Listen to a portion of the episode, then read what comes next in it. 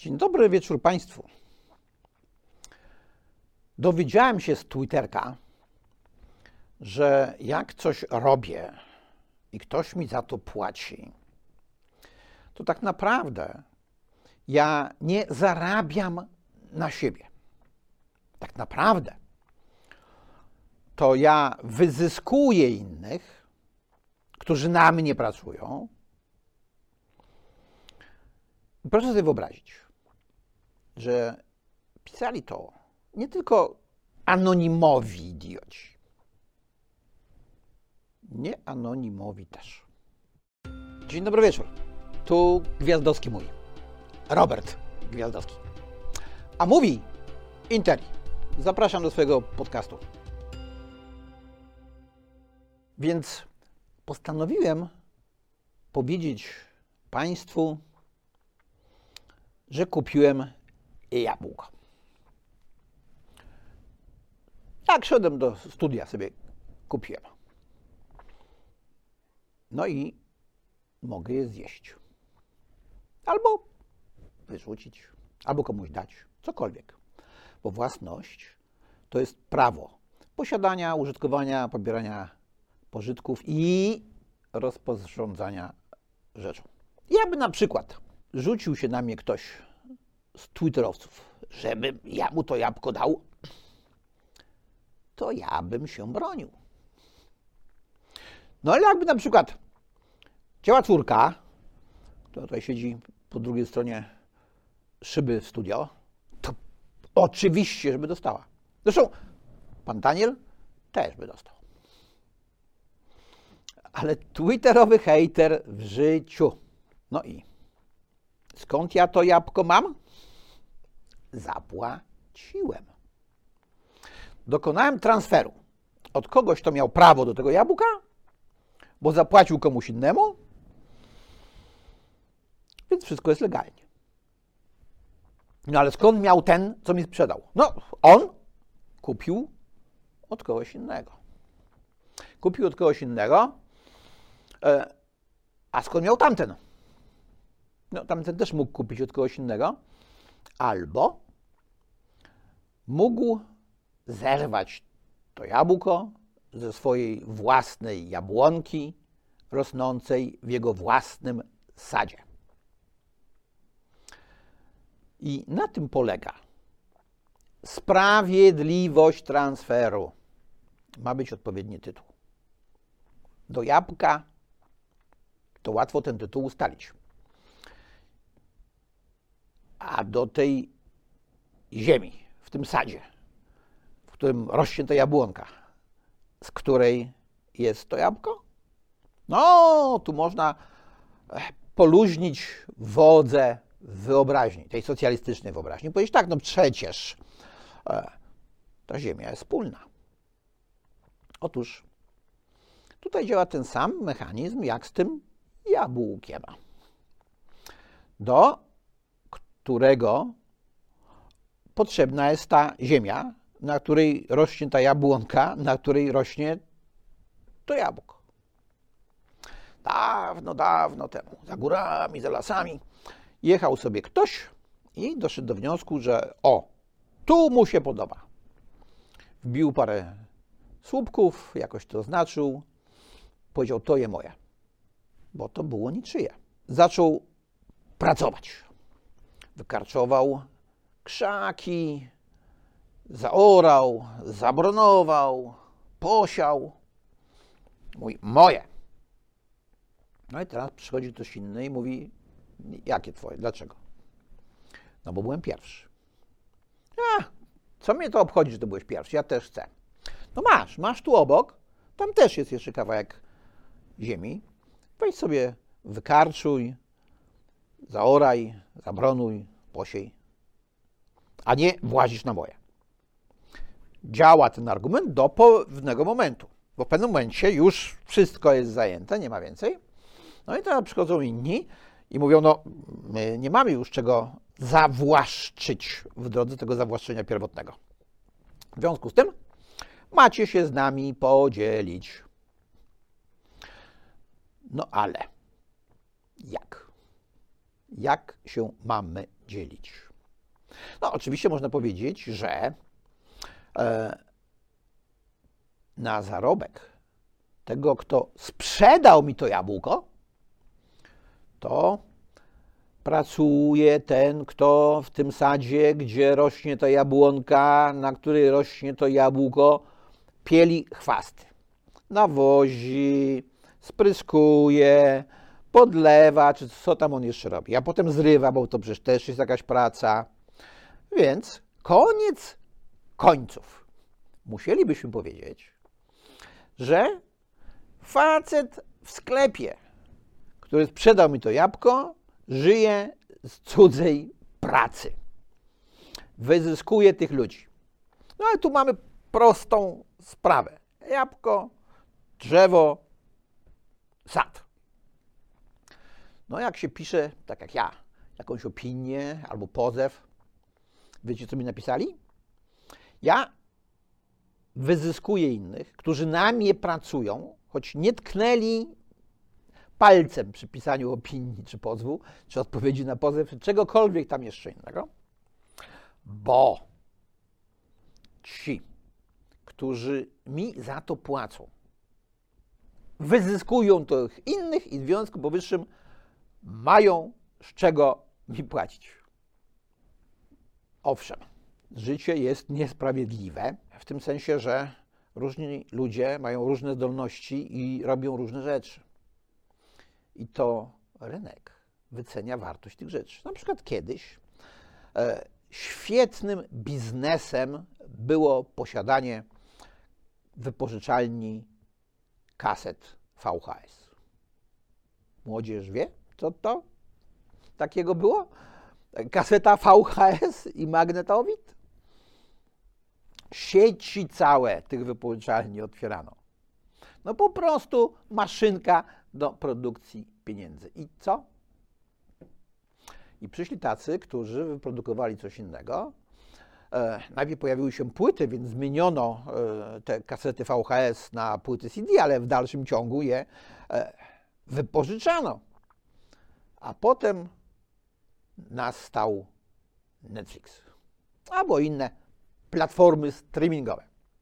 W związku z powyższym e, nie musimy chodzić, wypożyczać żadnych filmów z wypożyczalni, kaset czy płyt. Świetny biznes, na którym ludzie zarabiali, po prostu padł. Trzeba się było zająć czymś innym. No, ja wiem, że to generalnie rzecz biorąc niesprawiedliwe, ale jak już wielokrotnie badałem, życie jest niesprawiedliwe.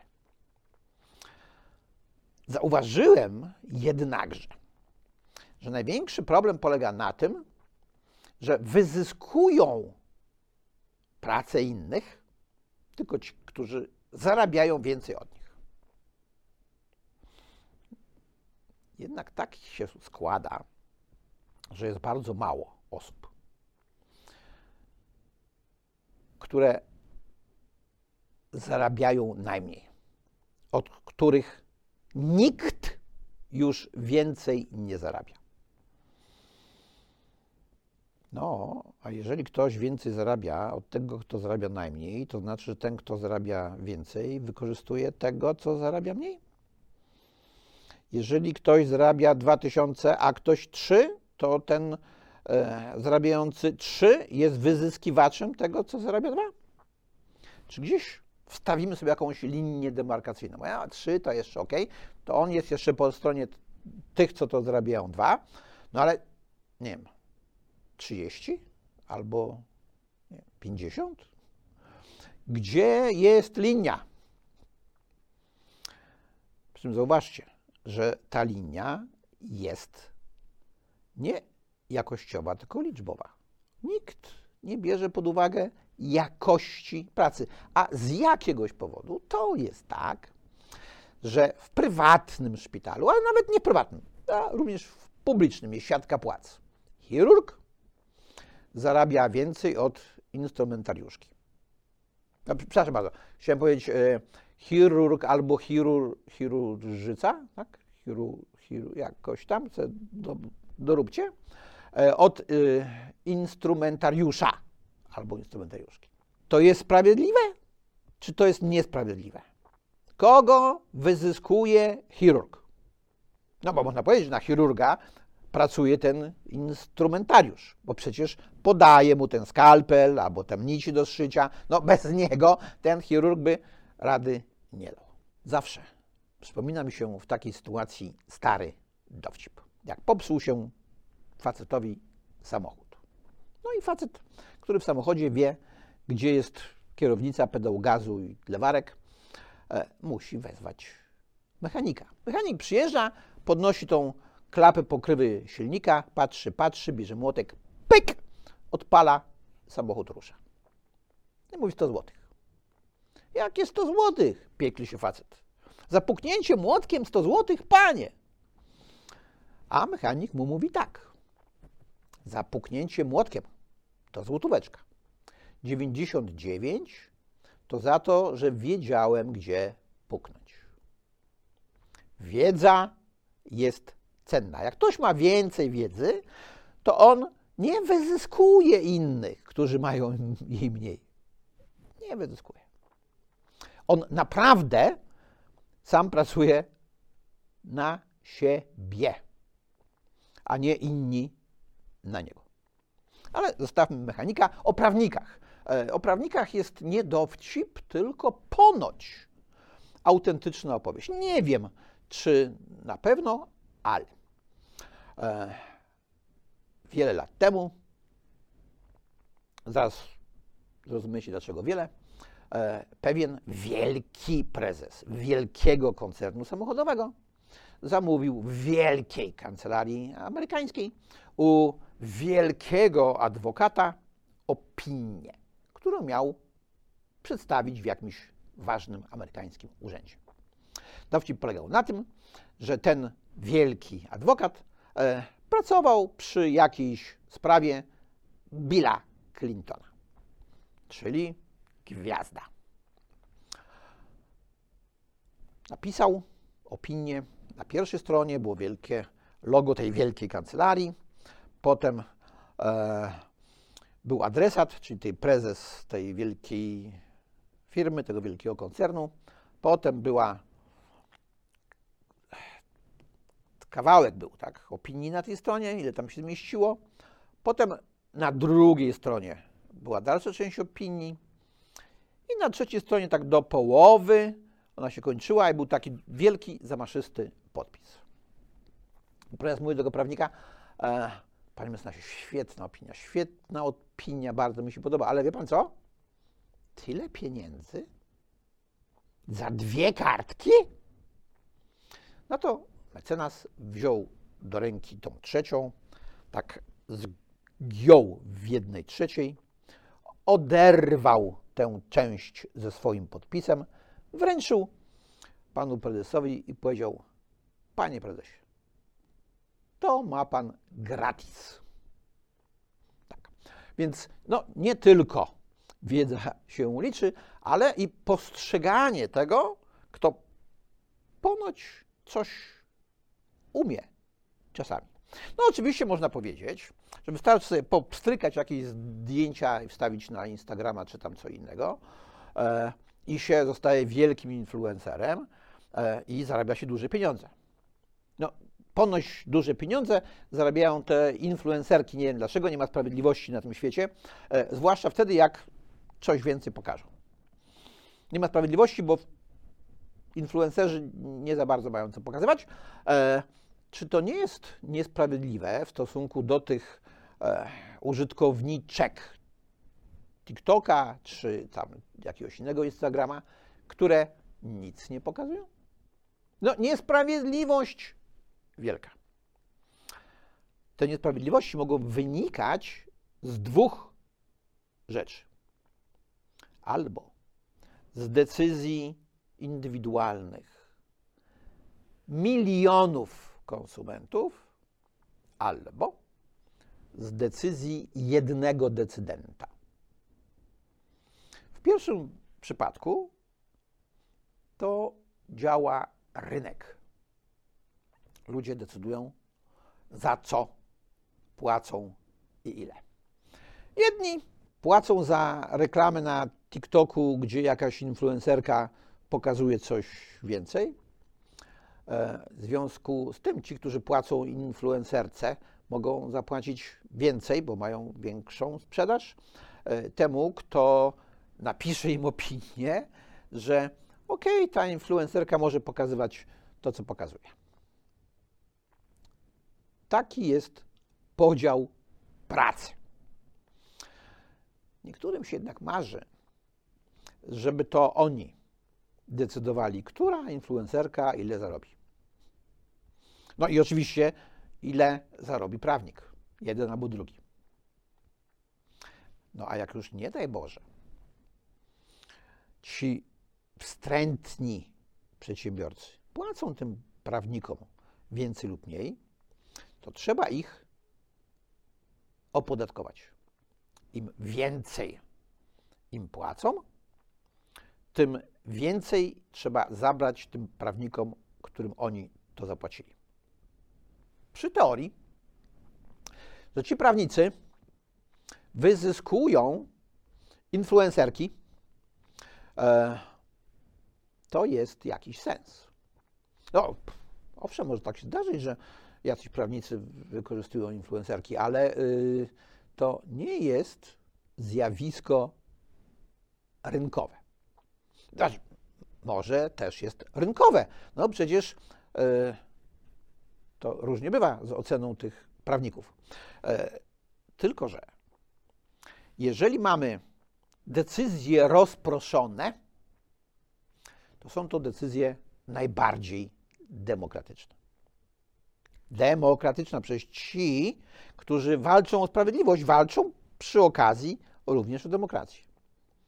A dlaczego jest tak, że demokratycznie mamy wybrać sobie 460 posłów i demokratycznie ustalić, jak nasze głosy się podzieliły e, i ile kto będzie miał mandatów?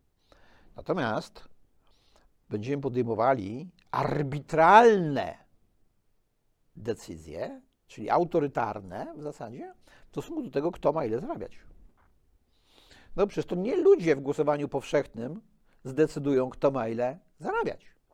Ludzie w głosowaniu powszechnym zdecydują, kto ma decydować ewentualnie, kto ma ile zarabiać. To jest taki system e, przedstawicielski. Demokracja e, przedstawicielska to się nazywa. Wybieramy sobie przedstawicieli, którzy za nas decydują o wszystkim. Ale to nie tylko mają decydować za nas, e, ale i za innych. I tu jest ten pies pogrzebany. No bo ci inni prowadzą swoje normalne życie. Podejmują decyzje. W zasadzie od młodości.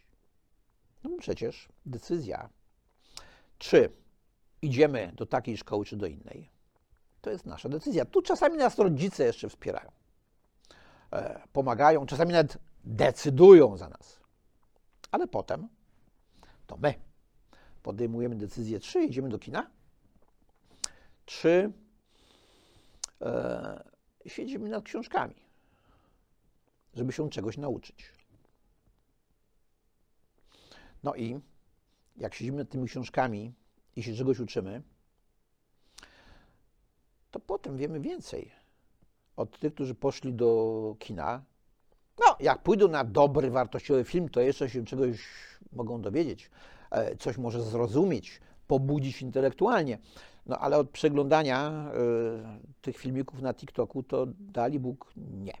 Decyzje podejmują też inni.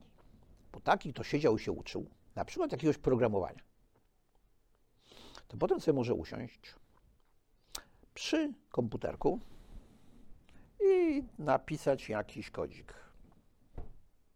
E, I proszę bardzo, jest Chat GPT. No i na razie wszyscy zaglądają tego czapta, się tym bawią, e, będą niedługo płacić coraz więcej.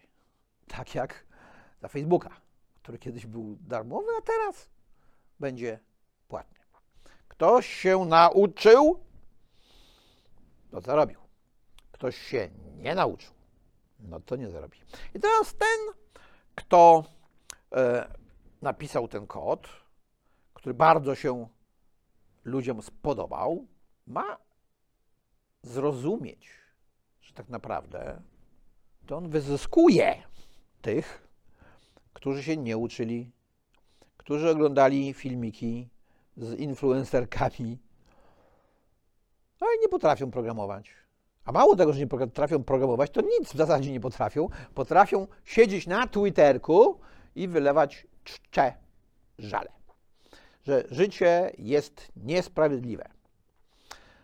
No bo przecież Jarosław Kaczyński słusznie powiedział, że jak ktoś zarobił, hmm, no to skąd on zarobił?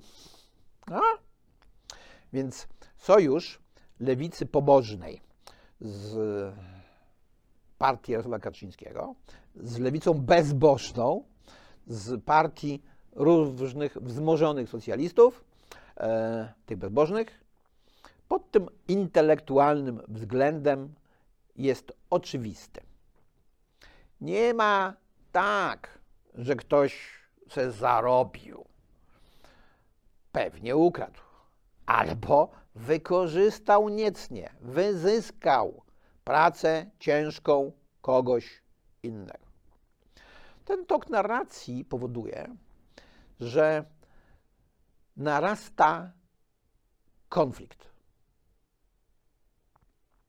A kto jest zwolennikiem konfliktu? Jak sobie patrzymy w historię myśli politycznej, to się okaże, że dwa ugrupowania ideowe i polityczne nastawiały się na konflikt. Komuniści i faszyści. No, z nazistami włącznie. Dla jednych istotny był konflikt klas, dla drugich istotny był konflikt ras.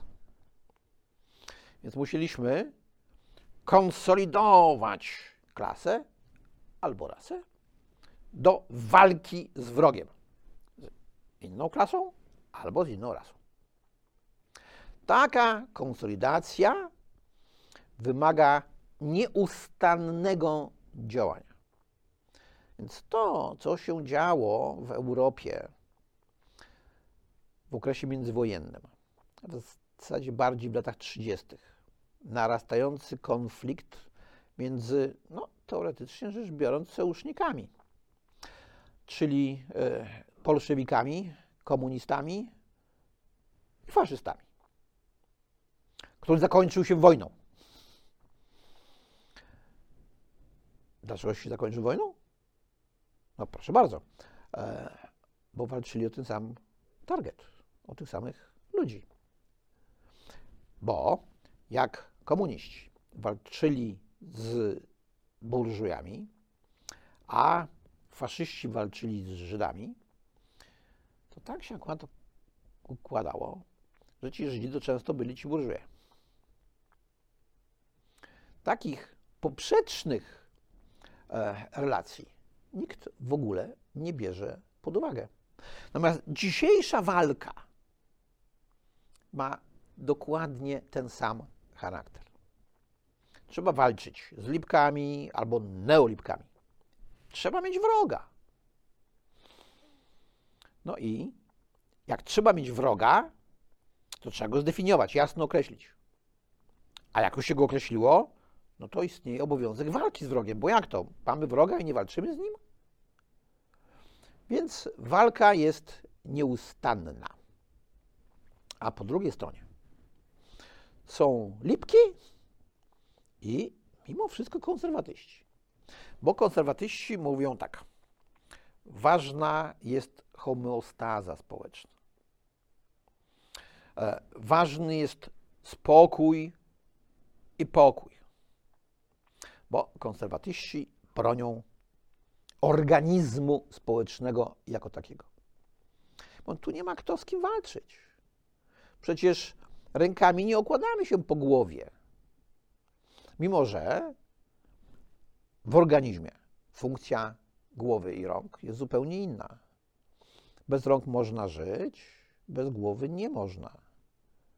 Więc jesteśmy w stanie oddać komuś rękę, jakby trzeba było, no ale głowy na pewno nie oddamy. A lipki powiadają tak. Społeczeństwo? Takie coś nie istnieje.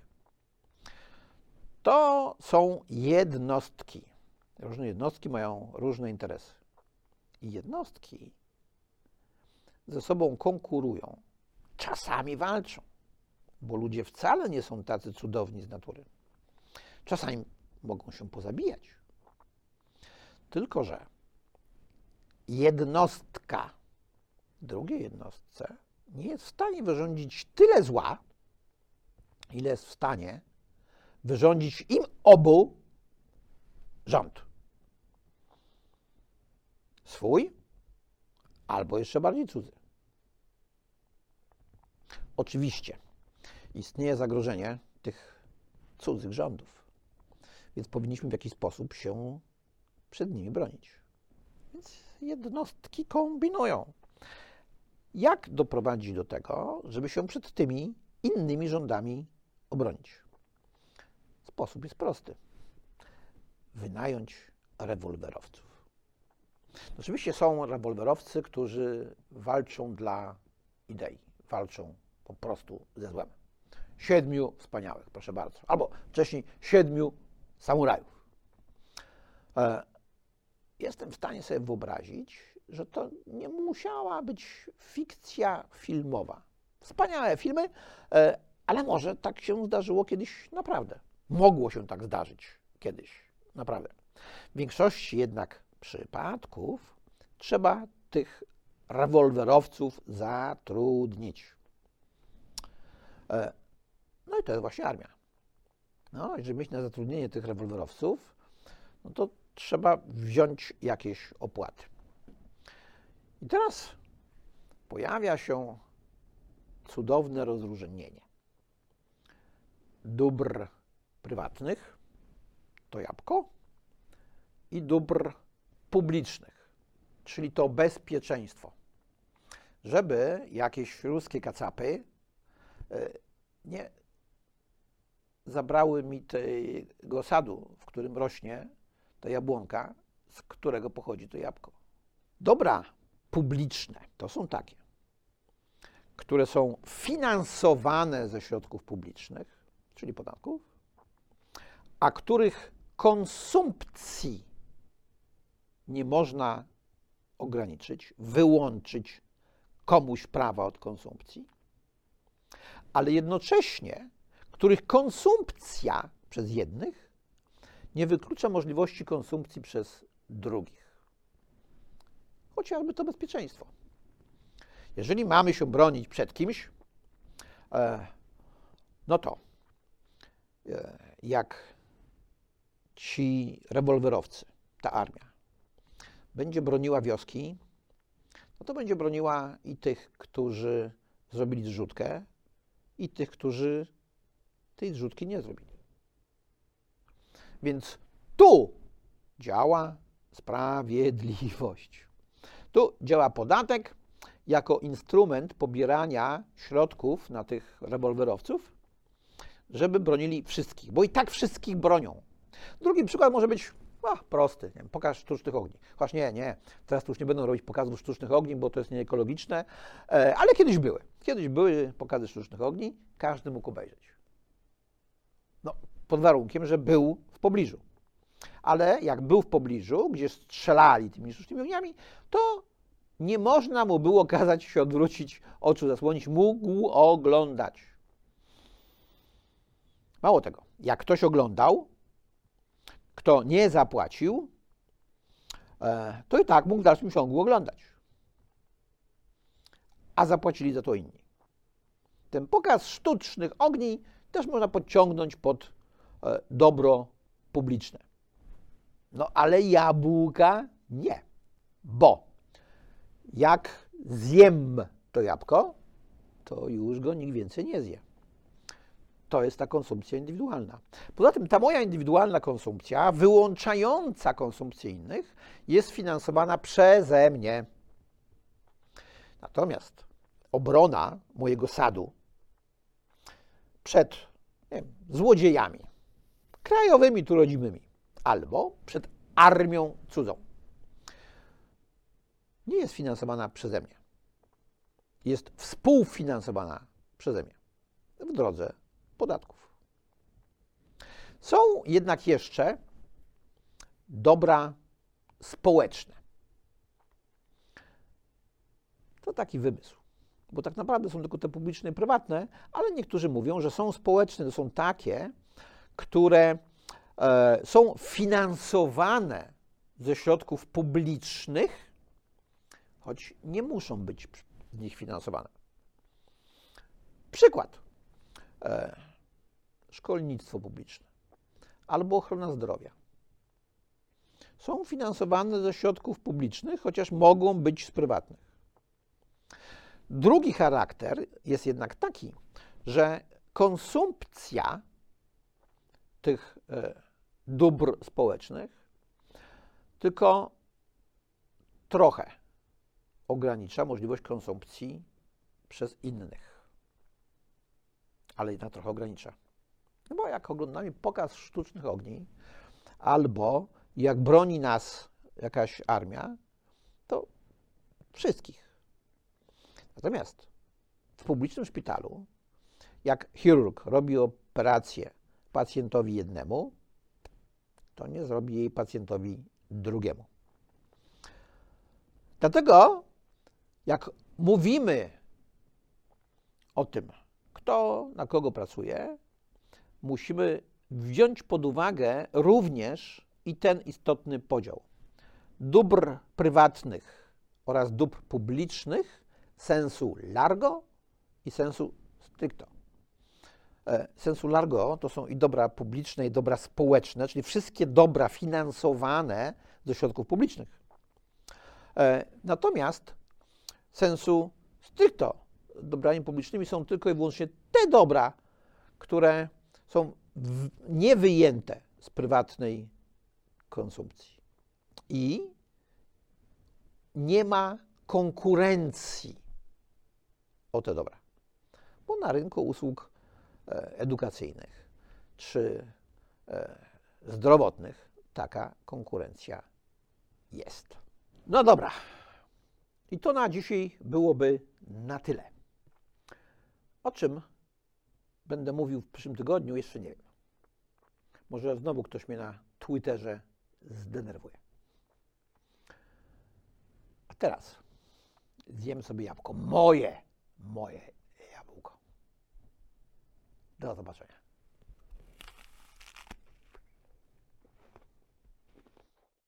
Na dziś to już by było na tyle. Dziękuję bardzo i zapraszam na następny odcinek.